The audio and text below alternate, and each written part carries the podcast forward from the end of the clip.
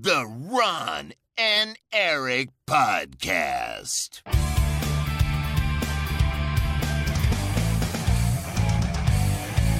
Double kill. Hallo en welkom bij de Ron en Erik podcast. De podcast van Ron en Erik over videogames. Aflevering 487. Een speciale extra aflevering over Final Fantasy VII Rebirth. Game die over een week uitkomt. Maar vandaag verloopt het embargo. Dus we mogen er alles over vertellen. Ik heb hem eh, gereviewd voor Gamer.nl. Ik heb hem helemaal uitgespeeld.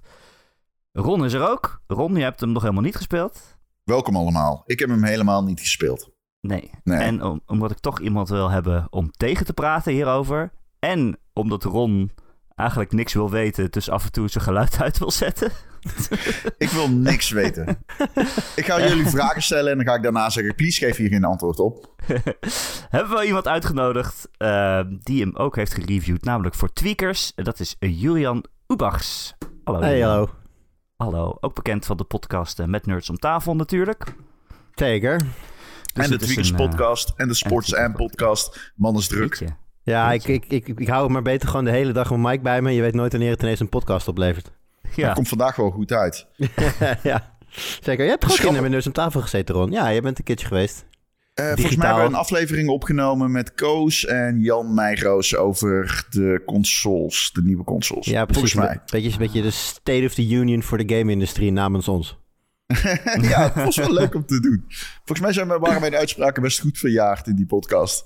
Als ik erop terugdenk, als ik eraan terugdenk, maar durf ik, niet met Ik moet hem zekerheid eens te een zeggen. terugluisteren en dan zal ik, zal ik eens even kijken of je gelijk hebt. Oh, je bent niet gecanceld Nee, tussendoor. Dus. Jur en ik kennen elkaar denk ik al heel lang.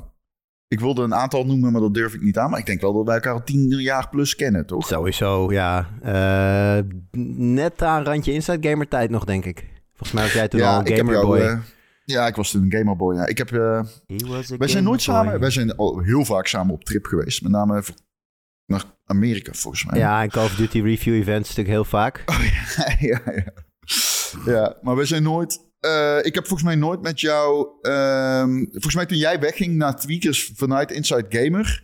Zat, eh, deed ik zelf nog niet echt veel bij Inside Gamer. Dus volgens mij hebben we nooit echt direct dat, dat, samengewerkt. dat dus samenvoegen daar is volgens mij ook wat later gekomen. Dat, Ja. eh, op dat moment toen ik daar wegging waren het echt nog losstaande entiteiten. Sterker nog, toen vielen we volgens mij niet eens onder dezelfde tak van Sanema. Had je Sanema Men's Magazines, daar staat Ja. Gamer. En dat Ja, gewoon klopt. normaal Sanema, daar staat Inside Gamer. Oh, fuck, die- dat klopt. Dus ja, we we zaten, zaten niet op eens, een ander zaten niet eens ook niet in hetzelfde pand. Ja, jullie zaten ergens bij de Amsterdam Arena in de buurt, geloof ik. Ja, wij zaten tegenover de Amsterdam Arena. Of ja, wij. Ja, Zo, opa's vertellen. ja echt waar. Ja. Waarom ben je nou nog nooit in de podcast geweest dan? Waarom Ja, ben ik nooit... Ja, wel weet ik niet. Ik denk dat Ron, ik denk dat Ron mij gewoon niet slim genoeg vindt of zo. Oh, nou, ja. dat klopt wel. Dat klopt wel. Ja. Dus het, Ik, het, ik denk eh, wel dat ik schuldig ben aan de daling van intellect met alle bier dat ik samen met Jur heb gedronken op trip. Maar, Dus we, hebben, een Final Fantasy 7 game nodig om eh, Julian eh, uit te nodigen. Nou, zeker. Ja, en ik sprak hem toevallig omdat ik voor eh, Tweakers de Helldivers recensie doe. Dus Ja, daar weet ik dan weer Zo- helemaal niks van, dus dat scheelt. nee, precies. Ja. Ehm, even denken. Ehm, wij gaan het hebben vandaag niet zomaar over een game, maar over Final Fantasy 7 Rebirth. Als je dit luistert of als je dit in je podcastfeed ziet of hebt gezien, is het echt net afgelopen. Volgens mij is het eh, nu eh, een pff, donderdag drie uur is het hè? Ja. Iets later. En dan verloopt het embargo dus. Eh, we nemen een dagje van tevoren op. Ehm, ik ben nu zelf Final Fantasy 7 Remake aan het spelen. Dat is vrij laat, dat klopt. En ik ehm, doe dat zodat ik deze game mee kan pakken. Ik wil eerst deel 1 spelen. Ik heb nooit de oorspronkelijke Final Fantasy 7 uitgespeeld.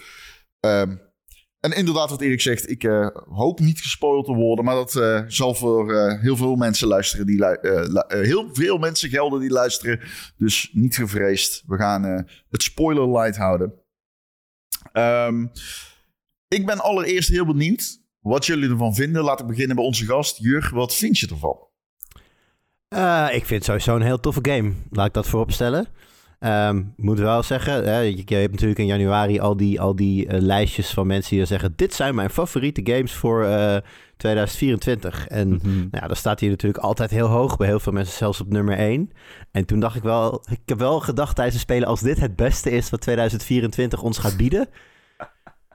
dan is het niet het sterkste jaar ooit. Wow, oké, calling shots. Ik hoor Erik op de achtergrond lachen. Ja, ik was Ehm, die persoon die hem op één had staan natuurlijk. Oh, Oh, serieus? Oh, dat wist ik echt niet. Ik dacht gewoon, ja, veel mensen hadden hem inderdaad de lang verwachte lijstjes gewoon ja, hoog. En eh, ja, ik wist niet dat jij er ook een was. ja, Erik is een echte. Die, eh, die, die houdt echt heel erg van Final Fantasy. Ehm, wat vind jij van Erik? Ja, ik ben echt eh, ik ben heel erg blij. Ik ben heel Mm. gelukkig met deze game. Het is, ehm, het is eindelijk die charme van Final Fantasy 7 van het origineel. De, de absurdheid, de, de, de, de warmte van alle personages. Dat komt nu eindelijk aan het licht. Eh, in remake zat dat nog bijna helemaal niet. Omdat het eigenlijk alleen maar in die duistere stad was. En het was alleen maar de eerste paar uur van het origineel dat ze geremaked hebben. En ja, daar, daar was nog helemaal geen sprake van karakterontwikkeling of wat dan ook. Dus daar is het nu eindelijk tijd voor. Om alle leuke dingen van Final Fantasy 7 te gaan doen.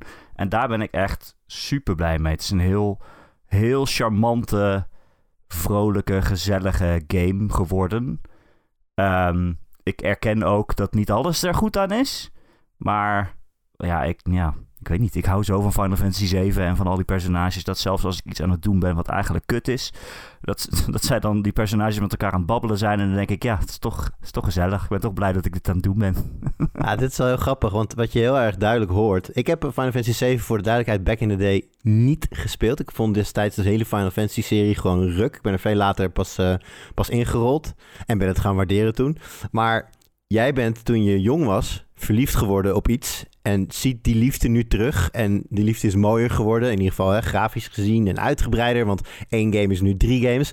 En ja, als je verliefd bent op iets, dan kan je er nooit genoeg van krijgen. En dan maakt, maken de minpunten op een gegeven moment ook veel minder uit. Eh, ik denk wel dat het ook naar het negatief kan doorslaan. Dat je eh, je oude liefde nooit net zo mooi terug kan zien. Maar ik kijk er heel anders naar dan jij. Want jij zegt van ja, ik kan nu de dingen gaan doen die ik het leuk stond in Final Fantasy 7. En ik heb zoiets van, ah, dit is voor mij gewoon in principe gewoon eh, het vervolg op remake. En Ja, dat, doet inderdaad dingen an- dat doet inderdaad dingen anders. Maar ik zie ook wel veel duidelijker in deze dan in remake welke stukken erbij zijn verzonnen om te zorgen dat dit een losse game kon zijn. Een coherente game ook? Is het zo dat ze dingen aan elkaar plakken op een andere manier dan ehm, het origineel? Ja, Eh, dat je- is dan een vraag aan Erik, denk ik. Want die nou, weet ik, het ik origineel. weet daar ook het antwoord op, maar laat Oké. Erik. Ja, nee, vertel maar. Nou ja, Ja. Ze, hebben, ze hebben dingen aangepast voor het, verhaal, voor het verhaal. Ik denk misschien ook om het voor de gamers die het origineel goed kennen interessant te maken. Er gebeuren, ja, we, we willen natuurlijk niet spoilers, dat gaan we ook niet doen. Maar er gebeuren dingen met verhaallijnen, met alternatieve realiteiten die niet per se onderdeel waren van het origineel volgens mij. Maar correct me if I'm wrong. Ja, er zijn wel wat dingen veranderd. En dat is inderdaad ook om het interessant te houden. Maar over het algemeen, het grootste deel van de tijd vind ik het best subtiel. Ehm, voor het overgrote deel volgt het wel gewoon de reis die Final Fantasy 7 ook volgde. En want dat is nou juist waarom dit deel van Final Fantasy 7 zo leuk was, is dat je echt die hele wereld overgaat. Het is een soort roadtrip langs al die iconische locaties eh, die die wereld kent. Hè. Je hebt, zo'n heel pretpark waar je heen gaat. Je hebt een, zo- zo'n vissersdorp waar een enorm kanon boven is gebouwd. Dat je denkt, ja, die arme vissers die zitten daar nu onder. Ehm, al die hele gekke plekjes, daar kom je nu. En dat gaat wel ongeveer in dezelfde volgorde als in Final Fantasy 7. Maar ik moet wel zeggen, eh, ik- ja, misschien kan jij dat beter beoordelen dan Julian, maar ik vond het wel heel goed en precies geschreven, ook voor nieuwkomers. Deze game begint met een soort van flashback. Dat is een van de meest bekende scènes uit Final Fantasy 7. Is eh, een flashback waarin eigenlijk wordt verteld waarom die Sephiroth, die slechterik, waarom die nou zo slecht is. En wat zijn plan is. En waarom we allemaal zo boos op hem zijn. En Ja. daarna ga je in een hele reis ga je achter hem aan. Dus dat is echt een heel goed instappunt. Ook voor nieuwe spelers die remake niet eens gespeeld hebben. Kan je hier prima beginnen. Oh, echt dan- waar? Kun Ja, je in deze game ik. beginnen zonder remake te hebben gespeeld? Vind Ja. ik wel. In principe, in principe worden protagonist en antagonist eh, binnen een half uurtje vrij duidelijk neergezet. En zou je dit Huh? zonder al te veel backstory kunnen spelen. Alleen, ja, er wordt natuurlijk wel continu geref- gerefereerd aan dingen uit, uit de remake. Hè, de, de, de, de positie van de eh, milieuactivistische groepering Avalanche, zoals ik ze het liefst omschrijf. Ja, Eh, ja. En, en, en, de, en de manier waarin ze, eh, waarop zij eh, geframed worden. Ja, dat, dat speelt natuurlijk een rol. En dat blijft ook een rol spelen in hoe de rest van de spelwereld naar hen kijkt. Dus Hm. eh, ik denk dat het wel handig is om remake eerst te spelen. Ja, om of dat deel van je vraag even eruit te halen. Ja, maar het hoeft dus niet. Maar daarna gebeurt er wel iets, en dat vond ik dus best wel subtiel. Daarna wordt er een soort van mysterie gedropt. Ja, dat is eigenlijk een van de belangrijkste mysteries uit het origineel. Dat is voor nieuwe spelers, die kunnen daaraan vastklampen van... hé, hey, what the fuck, dit is raar. En voor oude spelers van het origineel, zoals ik... en die ook alle Final Fantasy 7 spin-offs en zo allemaal hebben gespeeld... die kunnen zeggen, hé, hey, waarom is dit nu? Uh, dit is anders dan normaal en wat verandert dit in het verhaal? Dus eigenlijk, één klein stukje verhaal is voor beide soorten spelers... een soort van haakje, een interessant haakje om aan vast te klampen... van wat is er nou eigenlijk aan de hand? En dat gaat als, een draad, een, als een draad door de rest van de game heen. Dat vond ik best maar, wel knap gedaan. maar volgens mij hangen daar wel dingen mee samen die uiteindelijk niet hetzelfde zijn als in de, in de, in de game. In, in, als je kijkt Ja. naar wat voor characters er ook later in het verhaal nog naar voren komen, zeg maar. Eh, Oké. ja. Ja, lastig om hier zonder, zonder het noemen van namen over te praten. Maar ja, dat zou wel een spoiler zijn dan, dus dat doen we dan liever niet. Ja, dat Nee. doen we als we weer opgang hebben. In Ja, ieder geval, ik vond, het, ik vond het echt heel goed geschreven. Maar ik vond wel, dat is een van mijn grote minpunten. Het blijft. Ik vind niet dat Rebirth eh, eh, goed kan verantwoorden. Nog steeds niet waarom deze game drie games moet zijn. Nope. Ik vond, ik, ik vond de eerste game remake vond ik al veel te lang uitgerekt. Een klein stukje verhaal. En dan vind Zou ik je nu- niet zeggen, ik ben nu tegen fucking rat, ratten aan het vechten in een riool al een uur. Precies. Ratten in een riool, tering, wat een door baanbrekende idee heeft deze game. Daar hebben ze heel lang over nagedacht. En dan vind ik, kijk, Rebirth is dan de tweede acte. Maar het is de tweede acte van een verhaal dat eigenlijk niet ontworpen is om in drieën geknipt te worden. Dus de eerste acte is het opzetten van het verhaal, dat was remake. En de tweede acte is een soort van reis. En er gebeuren allemaal dingen. En personages worden uitgediept. Emotionele achtergrondverhalen bij iedereen. En dat wordt echt super, super goed gedaan. Maar daarmee wordt het overkoepelende verhaal eigenlijk niet opgelost. Dat blijft vrij lang kabbelen in Rebirth, vind ik. Ja, het is wel grappig als je terug zou gaan in de tijd naar gamers in 1997 en je zou zeggen, in de toekomst betaal je in deze game per act. Ja. Dat is echt een perfecte samenvatting van hoe de gamewereld er als geheel nu uitziet, denk ik. Ja, want je weet ook, Ja. weet je, er moet nog een derde deel komen. Dus je- deze game, Rebirth, kan niet alles weggeven, want er blijft er niks meer over voor deel Ja. 3. De geruch- Dus, geruchten ja. zijn toch Reborn en eh 2025, eind 2025 geloof ik? Oh, dat zou ik echt heel snel vinden. Ja, volgens geruchten staat dat, staat dat staat hier nu, denk ik. Nou, ze, hebben net, ze zeiden volgens mij net dat het script, de eerste versie van het script af was. Dus eh Nou, dat zal wel iets langer duren. het zal wel iets langer duren. Anyway, Ik heb nog een vraag. ik, ik ben verder echt heel erg verliefd op hoe deze game geschreven is. Op al die personages. En eh, eindelijk laat, laat Rebirth zien waarom die personages zo belangrijk zijn voor een grote generatie gamers.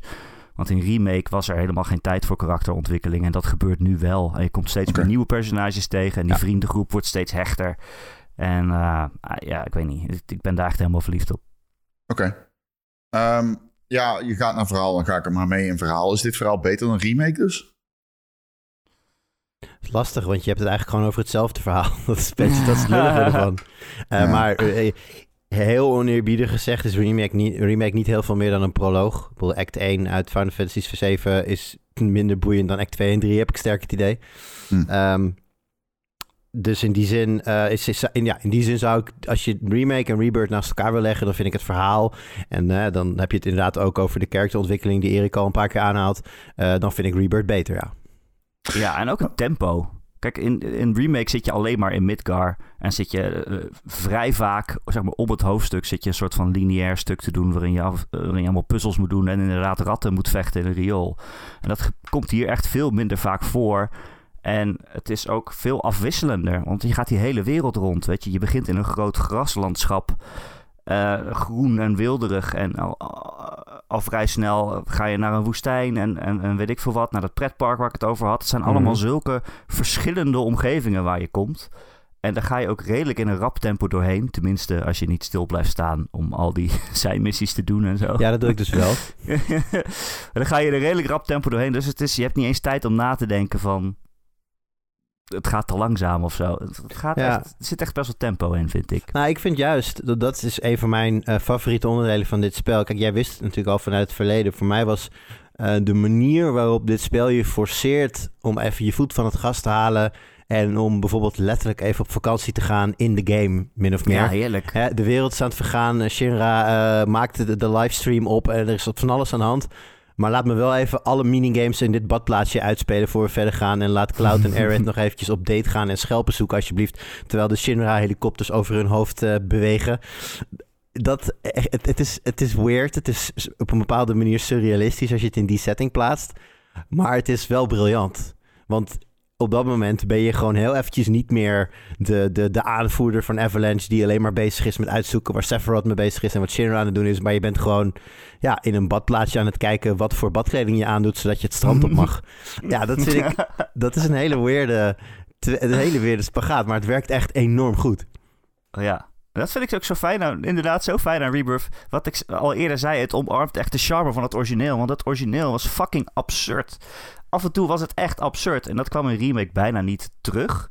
Maar nu wel. Ik bedoel, het zit zo vol met allemaal zijcontent. En echt heel veel soorten verschillende minigames.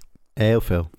Op Chocobo's race en zo. En eh, op een gegeven moment word je een soort, soort voetballen. Eh, op een gegeven moment word je in een soort tower defense bordspel gezogen op magische wijze. Ja. En het allerleukst is een nieuw kaartspel. Queen's Blood. ja, Queen's Blood. Het is een soort van Gwent uit uh, The Witcher 3. Of eigenlijk, als je een nerd bent, zeg je het is een soort triple triad uit Final Fantasy 8. En al die dorpjes waar je komt, daar kom je dan weer nieuwe spelers tegen van dat kaartspel. En die kan je nou weer uitdagen. Dan verdien je weer nieuwe kaarten. kan je een nieuw deck maken. Het is echt best wel uitgebreid en diepgaand. Ik dacht echt, dat kunnen ze wel een aparte game van maken. Oh ja, dat hebben ze bij CD Projekt Red inderdaad ook gedacht ooit. Ja. Ja, maar het zit echt heel, heel vol met dat soort absurde dingen. Dat je denkt, ja, de, wereld, de wereld vergaat, maar wij gaan even, weet ik veel, in het veld rennen om, uh, om moogles te vangen. Omdat ze ik, ik moet wel zeggen, ik vond het kaartspel uh, best wel goed in elkaar zitten. Ik, uh, ik zag het en in eerste instantie vond ik het weird. En dacht ik, dit, dit voelt heel random. En op een gegeven moment krijg je dan meer kaarten en dan kun je ook een beetje verschillende decks bouwen. En toen kreeg ik al wel door van ja, dit gaat zeker tien uur op mijn playthrough ja. toevoegen. Dat was het echt. Ik zag het en ik dacht, kut, ik heb een deadline. ja, precies dat. Waarom een kaartspel ja, ja. bij zwakke plek? um, wat is het precies? Want het kaarten is nieuw. Is de combat? Ik bedoel, deze game... Hij heeft een soort van turn-based, maar ook um, ja, dynamische real-time combinatie aan combat. het is hybride en je kunt het naar, naar de ene of naar de andere kant trekken, al naar gelang je daar zin in hebt. Je kunt volgens mij ook zelfs het helemaal turn-based maken in, via de menus. Moet ik, zou ik even dubbel moeten checken, weet ik niet helemaal zeker. Uh, volgens mij is dat niet helemaal wat het is. Maar dan, uh, als je, je, heet, je ziet dat heet Classic Mode. En dan gaan zeg maar de gewone real-time stukjes, die gaan dan automatisch. Ah, dan, kan jij, dan kan jij de, de acties ja. toekennen, zeg maar. Nou, wat, je, wat je doet is je, je vult je ATB-meter met normale aanvallen. En die ATB-meter is eigenlijk uh, ja, wat je nodig hebt om speciale aanvallen en magie en dat soort dingen te kunnen inzetten. En als je dat gaat selecteren, dan ja, de, de actie staat er niet helemaal stil, maar wel bijna. Waardoor je ja, bijna een soort van turn-based, uh, of in ieder geval in een laag tempo, je volgende move kunt plannen. En ook je, je andere party members uh, orders kunt geven. Dus het is een mix tussen real-time en, uh, ja, het is niet turn-based, want het heeft geen beurten, maar het is real-time en vertraagd, zou ik willen zeggen. En als je dat real-time nou echt heel fijn vindt, dan heb je al die speciale aanvallen en magie aanvallen, kun je eventueel ook onder snelknoppen zetten, zodat je die dus kunt verwerken in je real-time vechtstijl. Dus je kunt het zo real-time maken of zo langzaam maken als je zelf wil.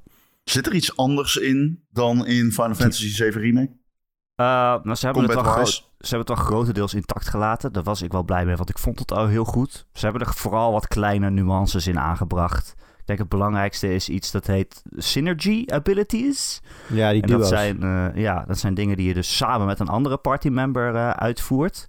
Uh, dus bijvoorbeeld als ik met Tifa speel, dan kan ik aan Cloud vragen of, of ik op zijn zwaard mag staan. En dan gooit hij mij omhoog. En dan kan je wat makkelijker bij een vliegende vijand komen.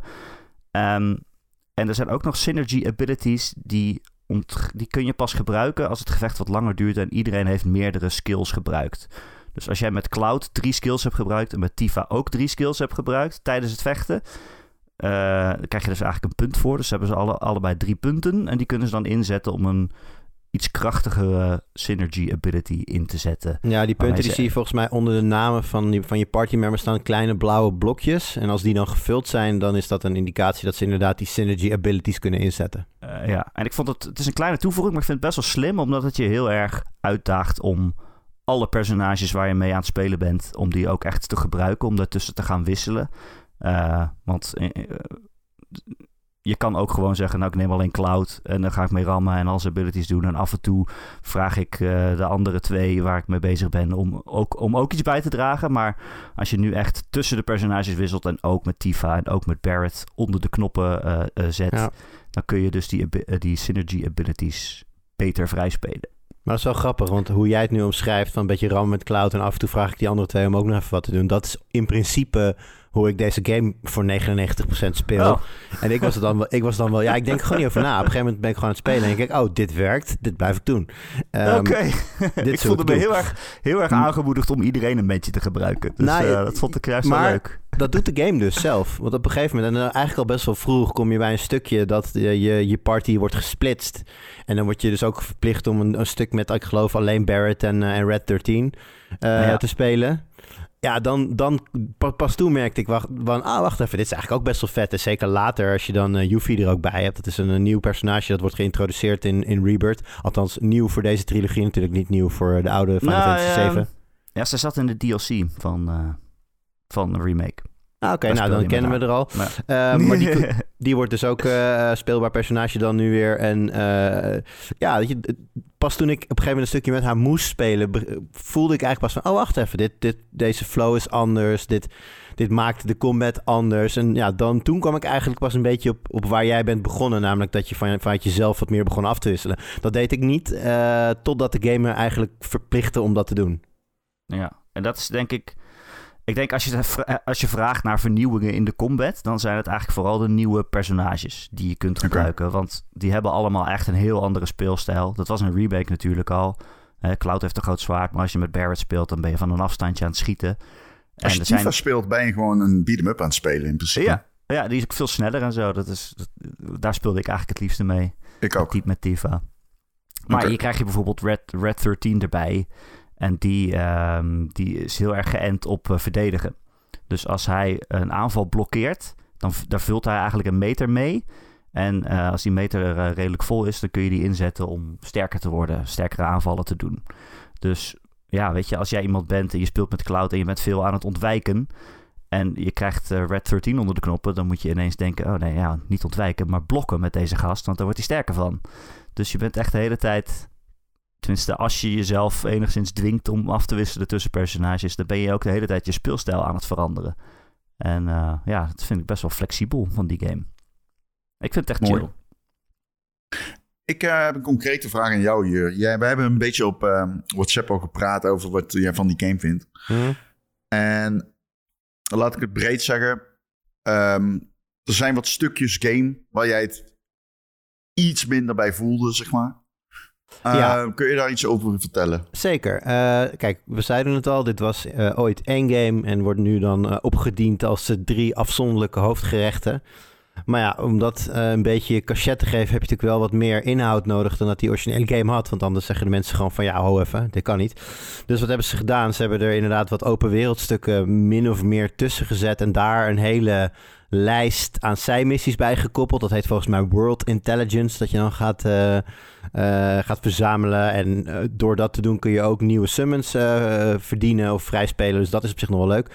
Maar de inhoud van die zijmissies is eigenlijk gewoon een beetje terug. Als je, en dat wordt in die zin erger gemaakt door het feit dat de rest zo goed is. Want omdat de content gewoon zo sterk is, valt best wel op dat je in, in, die tussenstukken continu hetzelfde aan het doen. Je gaat dus, en Erik zei al, je reist de wereld over. Dus je komt inderdaad in die grasslands. Dat is de eerste open wereld. Nou, dan heb je torentjes die je moet, uh, moet, uh, moet vinden. Je hebt bepaalde, nou nog wat andere plekken. Je moet op bepaalde plekken uh, vijanden verslaan. Specifieke type vijanden. Allemaal hartstikke prima. Doe je dat? Ga je, naar de, ga je op een gegeven moment naar een volgend stukje wereld. Nou, dan heb je radartorens die je moet vinden. En dan heb je specifieke vijanden die je moet verslaan. En bepaalde dingen die je moet vinden. Nou, dan ga je weer naar een ander stukje wereld. Dan heb je weer radartorens die ik denk dat je inmiddels snapt waar ik naartoe wil. Er zit niet zo heel veel creativiteit in hoe die missies uh, bij elkaar zijn geraapt. Ja, en daardoor voelt het bij mij echt wel heel duidelijk als dit is de filler die nodig was om hier een volledige game van te maken. Hmm. Interessant. Ja, nee, ja, ik vind dat ook super kut. Ja. Ah, jij hebt geskipt. De, uh, Nee, nou kijk, ik heb in die Grasslands heb ik alles gedaan. En de, de wereld die erna volgt heb ik ook alles gedaan. En toen op een gegeven moment ging ik ook naar de klok kijken van het embargo. Ja. En ik dacht, ja, het, is elke keer precies hetzelfde. Het is een beetje de, de Assassin's Creedificering van Final Fantasy. Jesus. Dat gaat er bij mij niet in dat je in een open wereld letterlijk torens neerzet... die je moet activeren om icoontjes op je kaart vrij te spelen. Van, oh, nu kan je deze zijactiviteiten doen. Daar gaat er inderdaad echt niet meer in. Dat vind ik, het is zo smakeloos om dat te doen. Ehm, Nou, dat bedoelde ik dus. En kijk, de, de, Maar- reddende, de reddende factor daarbij is dat het combat systeem aan zich gewoon Ja. heel goed werkt. Kijk, het, het, het- dat zei ik ook tegen Ron. Ik heb wel gewoon al die dingen gedaan zonder dat het ging aanvoelen als werk. En hè, dingen als een beetje spelen met je party samenstelling, dat, dat heb ik daar echt wel gedaan. Gewoon omdat ik dacht van, nou, dit is toch steeds hetzelfde. Dus laat ik nou maar even kijken hoe het met Barrett en Yuffie samen gaat of zo, weet je wel. Dus dat, Hmm. dat houdt die stukken echt wel overeind. Maar ja, je hoeft niet bepaald een, groot analyticus te zijn om te zien dat dat echt wel de minder sterke content van dit spel is. Ja, maar ik ben het niet helemaal mee eens dat dat er per se in moest om die game lang genoeg te maken. Want ik denk als je alleen het hoofdverhaal helemaal uitspeelt, dat je dan 40 uur bezig bent. Als je echt alleen maar dat zou doen, ben je 40 uur bezig. Er zitten ook zijmissies in, dus dat is niet de open wereld activiteiten, maar echt zijmissies met een verhaal en met personages Ja, die groene icoontjes. praten. De groene icoontjes, zeg maar, Ja. die vind ik ook allemaal, die vind ik wel leuk geschreven. Dat is echt een stuk beter dan het in Final Fantasy 16 was. Ehm, de meeste vind ik echt leuk geschreven en leuk om te doen ook wel. Dus als je, dat, als je die er allemaal bij nog doet, dan ben je misschien nog weer 20 uur verder. En dan, als je dan echt nog niet genoeg hebt, dan kan je nog al die saaie open wereld dingen gaan doen.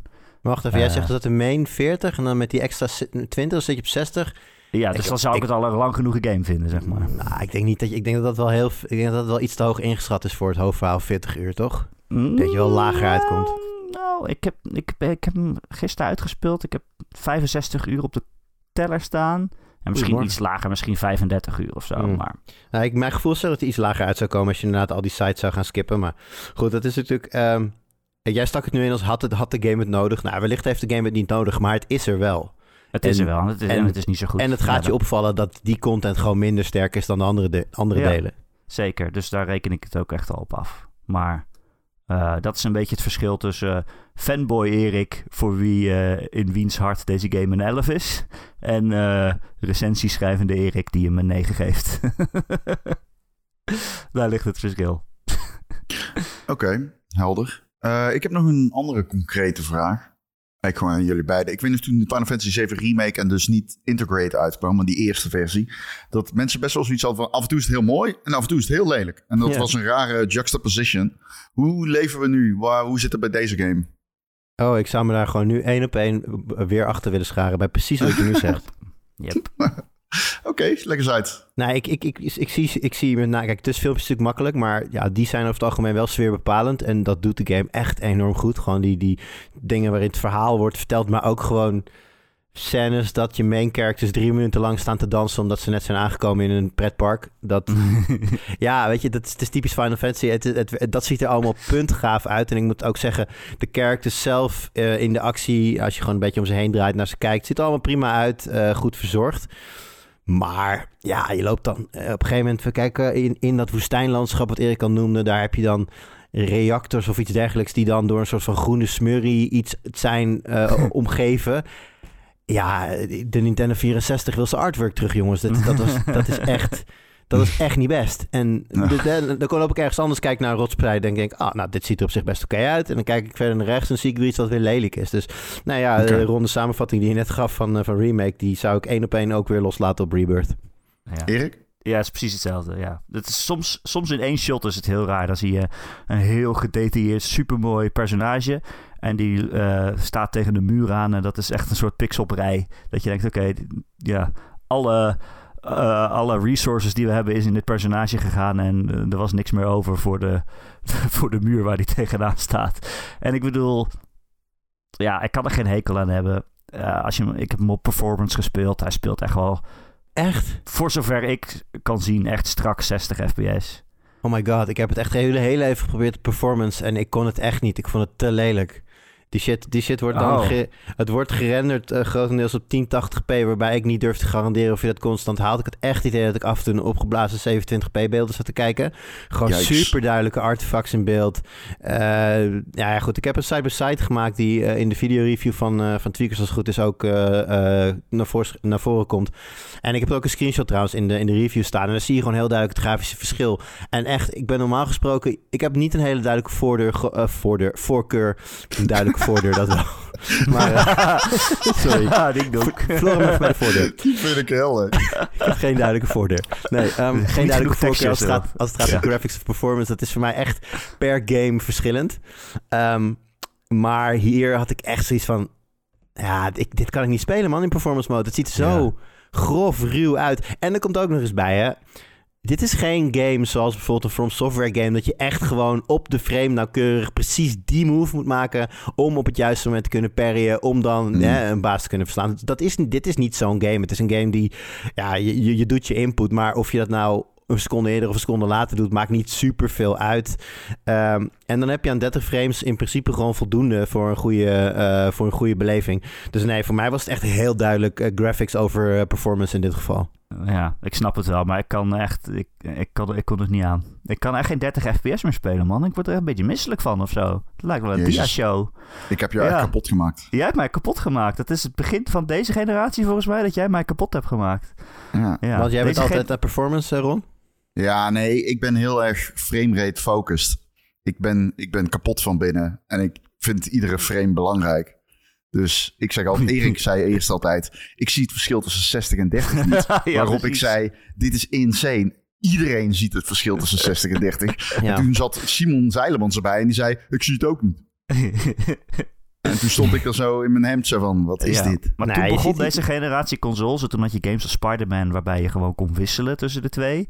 En toen ik dat een keer gedaan heb, toen kon ik ineens, ineens niet meer terug. Kon gewoon Ja, niet meer. trouwens wel even een shout-out daar voor Square Enix. Dat je inderdaad gewoon in het menu kan omzetten. En dat je gewoon meteen omgeschakeld bent. In plaats van dat je een, een, een, een pop-up krijgt met... Voor deze aanpassing is een restart vereist. Want dat is natuurlijk wat we ook nog wel eens terugzien in games. Dat als je de, wil wisselen tussen quality of performance... dat je dus dan terug moet naar de main menu... en dat alles opnieuw geladen moet worden. Nou, dat hoeft gelukkig in Final Fantasy niet. Dus dat, maakt, het ook dat maakt het ook mogelijk om voor jezelf gewoon even te kijken... wat je fijner vindt. Want eh, eerlijk, eh, dat verschil is best wel groot hoor. In eh, zeg maar de, de frames die je erbij krijgt, die ga je echt wel merken. Het is een stuk vloeiender allemaal. Maar ja, ik ben wat dat betreft toch meer dan een graphics hoer dan een frame... eh, meer een graphics hoer dan een performance hoer. Ja, nee, maar ik, ben gaat- je, gaat- ik, ik ben het met je eens dat het af en toe best wel, best wel heftig was. En dat ze echt met resolutie aan het klooien zijn, terugschalen om het, om het maar op 60 te houden. Maar ik stoor me daar dan toch minder aan. Kijk, de mooiheid van deze game zit voor mij echt in de, in de details, in de wilderigheid van de wereld. Als je door dat graslandschap loopt en overal bloemetjes en weet ik veel wat je allemaal tegenkomt. En die, die geweldig ontworpen dorpjes, eh, die steden en eh, elke stad heeft zijn eigen cultuur en samenleving en, en ziet er op een andere manier uit. Maar al die Eh, dingen die je noemt, worden zit toch, die worden toch vet korrelig als je, als je in performance speelt. Zo, vooral die bloemen en al dat soort dingen. Dat, ja, korreltjes zijn ook eh, details, I guess. Ja, het zijn hele mooie, het zijn zandkorreltjes tussen de blaadjes. Cool, jij, hebt gewoon, jij hebt gewoon gekorrelde zandkorreltjes. het zijn de luizen op de bladeren. nee, ik weet het niet. Ja, ik, ik, kan, ik heb het even op 30 geprobeerd, maar kon, ik kon het gewoon niet aan. Het is Hm. rond schuld. We geven ronde schuld. Ja, nee, mag. Fair, geef niet de game de schuld, geef mij de schuld. Ja. Ehm, een van de supermooie dingen van deze game, die ik nog heel graag wil noemen, Hm. is de soundtrack. Oh. De Moest ik soundtrack, echt super aan wennen. de soundtrack is geweldig. Ja, Ik ben, maar eh, kijk, we zijn het natuurlijk in het. Westen een beetje gewend om eh, ja, soundtrack te horen wanneer het een bepaalde functie heeft of zo. Weet je, wel? je hoort het op, op rustige stukken hoor je amper iets en dan, dan zwelt het een, rustig een beetje aan. Maar eh, ik speel niet zo heel veel JRPG's. En ik moest echt even wennen aan de alom vertegenwoordigde muziek. In alles wat je doet zit, zit, er zit overal muziek bij. Als, als, die, als die characters naar de wc gaan, dan komt er nog een, eh, een symfonie bij kijken. Dat is echt... eh, het, het- ik vind het geen minpunt, laat dat voorop staan. Het was voor mij echt, dat is echt gewoon meer eh, dat ik aangeef van... daar moest ik eventjes aan wennen vooral. Want ik denk ook dat het is wat Final Fantasy Final Fantasy maakt. Of een van de dingen in ieder geval. Maar ja, zeker in het begin had ik wel zoiets van... waarom, waarom zit ik naar een, een strijkkwartet te luisteren... terwijl ik, gewoon door, terwijl ik gewoon aan het wandelen ben? Laat me met rust. ja, dat is ook zo. En misschien is het ook een stukje nostalgie, want al die motiefjes en patroontjes, die komen natuurlijk ook uit het origineel. Dus om die nu weer terug te horen, dat, is, dat maakt wel wat los. Maar ik vond hem ook heel uh, dynamisch. Uh, bijvoorbeeld, kijk, elk, elk gebied heeft zijn eigen soundtrack en zijn eigen liedje. En elk personage heeft eigenlijk ook zijn eigen liedje en elke situatie. En als je er goed naar gaat luisteren, dan zijn die, die, die verschillende patroontjes die worden heel knap met elkaar verweven. Als je bijvoorbeeld in dat grasland aan het lopen bent, dan hoor je die hele serene, inderdaad, strijkkwartet. Dat heeft zijn eigen melodie. Dat gaat heel langzaam en rustig en je raakt er helemaal een soort van kalm van. En dan, als je dan een gevecht begint, dan begint die best wel heftige battlemuziek. Hè? Dan denk je wel, oh shit, het is aan. Maar als je dan goed luistert, dan hoor je die, die melodielijn van dat serene stukje, dat zit er nog doorheen verweven. Alleen een, Ja. een stukje agressiever ingezet. Dus het, het, ik weet niet, het gaat allemaal zo mooi in elkaar over. En dan loop je naar een chocobo-boerderij en dan eh, komt dat chocobo-liedje er ineens doorheen, weet je wel. Het, het voelde heel vloeiend allemaal. Ik vond dat wel echt heel knap. Oké. Ik zit te denken of ik nog een vraag moet stellen. Ik heb er nog één, alleen die wil ik eigenlijk tot het allerlaatste bewaren. Dus is er nog iets waar jullie eh, het over willen hebben, over deze game? Los van soundtrack. Ehm, nou ja, ik heb wel een be- bij bepaalde dingen eh, dat ik dacht, dit hebben andere games wel al beter gedaan. Bijvoorbeeld, ehm, nou, je moet allemaal dingen, eh, allemaal spullen verzamelen in de spelwereld waarmee je dan items kunt maken, bloemetjes en weet ik het wat allemaal. Hmm. Maar je loopt al vrij snel tegen het feit aan dat je maar 99 van elk ding bij je kunt dragen. En er is niet echt een systeem waarbij je dan kunt zorgen dat je dat... eh, of ja, ik weet eigenlijk niet, Erik. Heb je, is, is er iets van een kist ergens of zo in die, nee, hè? Hmm, in die, in die waar je kunt slapen? Nee, Zeg heb je? niet gevonden. Heb ik niet gevonden. Nee, Nee. precies. Dus, je- dus er is niet echt een systeem waarbij je dat dan kan, uit, kan, kan, eh, eh, kan uitbreiden. En ik had, dit is verder niet een heel groot minpunt. Zo, maar ik had op een gegeven moment al vrij snel dat ik, ja, alle dingen die dan in de spelwereld liggen, die ik probeerde op te pakken, kon ik niet meer oppakken. Ik zat er vol, maar ik had op, dat moment niet per se zin om uitgebreid items te gaan eh, transmuten, zoals dat dan, eh, transmuteren, zoals dat dan heet, oftewel maken.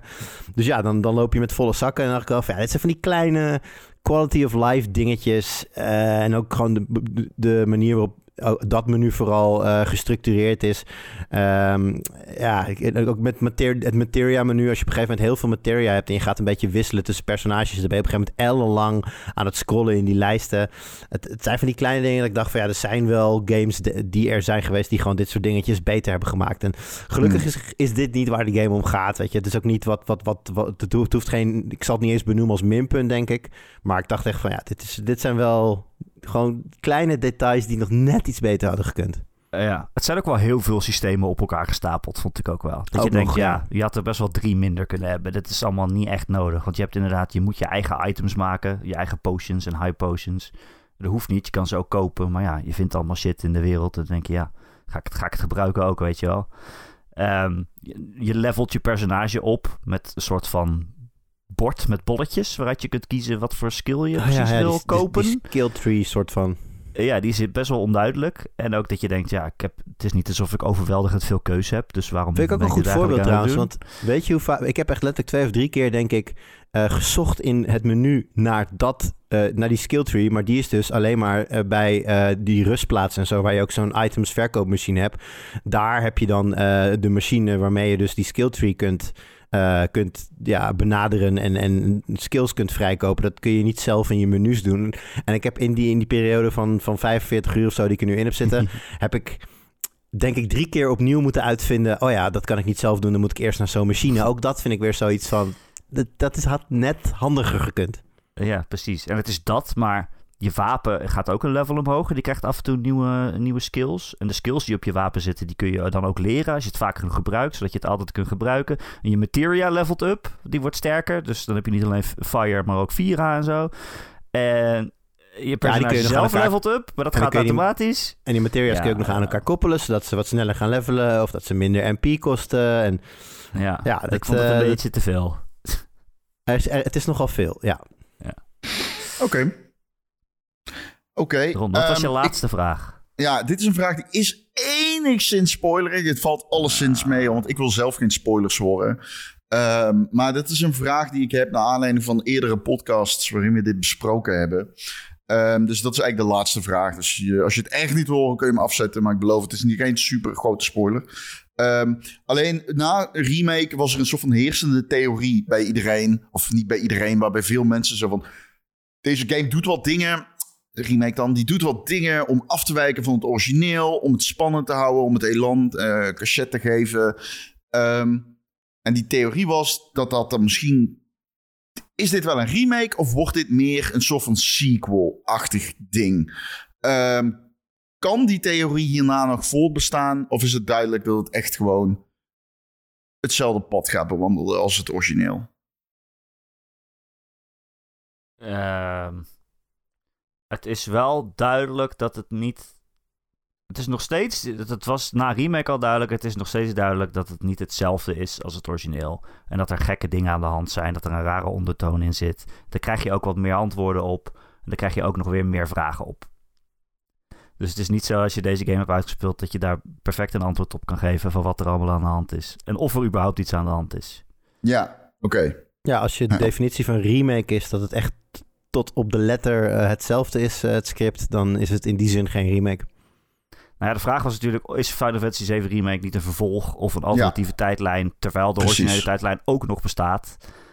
Uh, allemaal theorieën over wie weet wat en zijn dingen wel echt gebeurd en is dit, speelt dit later? Zijn ze aan de tijdreizen? is er een multiversum? Dat soort dingen komen nog steeds wel allemaal voorbij, maar ik heb wel gezegd, weet je, het hoofdverhaal kabbelt een beetje, omdat het gewoon het grootste deel van deze game draait om die reis. Om die reis om de wereld. En dan zijn ze helemaal niet bezig met... Uh, is er ook een multiversum of niet? Maar uiteindelijk, natuurlijk... Er gebeuren wel, er gebeuren wel dingen, maar je hebt geen 100% antwoord op die vraag. Oké, helder. Ja, vond je het helder? Is het vaag, vaag genoeg antwoord? Vond je het helder? Uh, nee. maar hij wil nee. geen helder antwoord volgens mij. Nee, ik wil zeker geen helder antwoord. Ik uh, neem hier genoegen mee. Met, zeker vanwege het risico dat je mij gaat spoilen. Alright. Nou, super bedankt guys. Ik ben helemaal uh, up-to-date. Ik vind dat, dat was de beste game van het jaar. Oké. Okay. ja. Naar het schijnt. Nou ja. ja. Het is of niet het is eens de beste Sony game van het jaar, jongens. Waarschijnlijk. Of het is mijn lievelingsgame van dit jaar. Dat is natuurlijk anders. Dat is anders, ja. Dat, is wel dat, uh, dat, kan, dat kan ik me goed voorstellen. Dat, dat voor, zeker voor, maar wat ik zeg, voor mensen die uh, warme gevoelens hebben aan het, aan het origineel. Back in, heb je hem ook destijds op de PlayStation gespeeld? Ja, ja, ja. Ja, dan kan ik me voorstellen. Dat, maar dan, weet je, dan, dan, dan, dan gooi je nostalgie in de strijd en er is niets dat daarvan kan winnen. Nou ja, maar je kan natuurlijk ook zeggen, ja, ze hebben mijn lievelingsgame verpest, weet je wel. Dat had ook kunnen gebeuren. Ja, ja, ik ken ook iemand die daar op die manier naar kijkt trouwens. Die, uh, het is het opzicht van remake dan, want die heeft deze nog niet gespeeld. Maar die had echt zoiets te gebeuren in remake dingen, uh, remake dingen op momenten wat in het origineel later kwam. En die vindt het allemaal maar een beetje raar. En de stemmen kloppen voor hem niet met hoe die in zijn hoofd waren. En, nou, Op die manier slaat het natuurlijk een beetje de andere specifiek, kant op. Ja. ja. Maar juist omdat het niet per se een remake van het origineel wil zijn, ben ik eigenlijk extra geboeid erdoor. Ja, snap ik. Oké, okay, Erik, dit is het punt waarop jij zegt, nu ben ik oh. weer host. Oh, nu ben ik weer host. Dit was de Ron en Erik podcast. Ik ga de hele de aftitelingsriedel niet doen. Dat doe ik niet bij extra podcasts. Maar ik wil wel iedereen bedanken voor het luisteren en zeggen dat we maandagochtend er ook weer zijn. En dan is er uh, ook weer een hele hoop nieuws. Want uh, ja, nee, dat is nu al geweest, dat nieuws. Dus dat kan ik nu niet voorspellen. Er was een Eldering trailer. op, moment, op dit moment is hij nog niet geweest, maar straks wel. Het ziet er heel goed uit. dat weten we nog niet. Wel. Ik voorspel. Ik denk dat mijn mening goed verjaagt. Ja, daar gaan we het zeker over hebben. Maar we zien jullie allemaal graag maandagochtend terug. En natuurlijk altijd als je ons wil steunen, dan kan dat via Patreon. Patreon.com slash Ron en Erik krijg je elke maandag een extra podcast. Allemaal heel erg bedankt voor het luisteren. En uh, Julian, dankjewel dat je aan wilde schuiven. Ja, graag gedaan. Vond het leuk om hier te zijn. Ja, ik ook. Ik vond het super gezellig.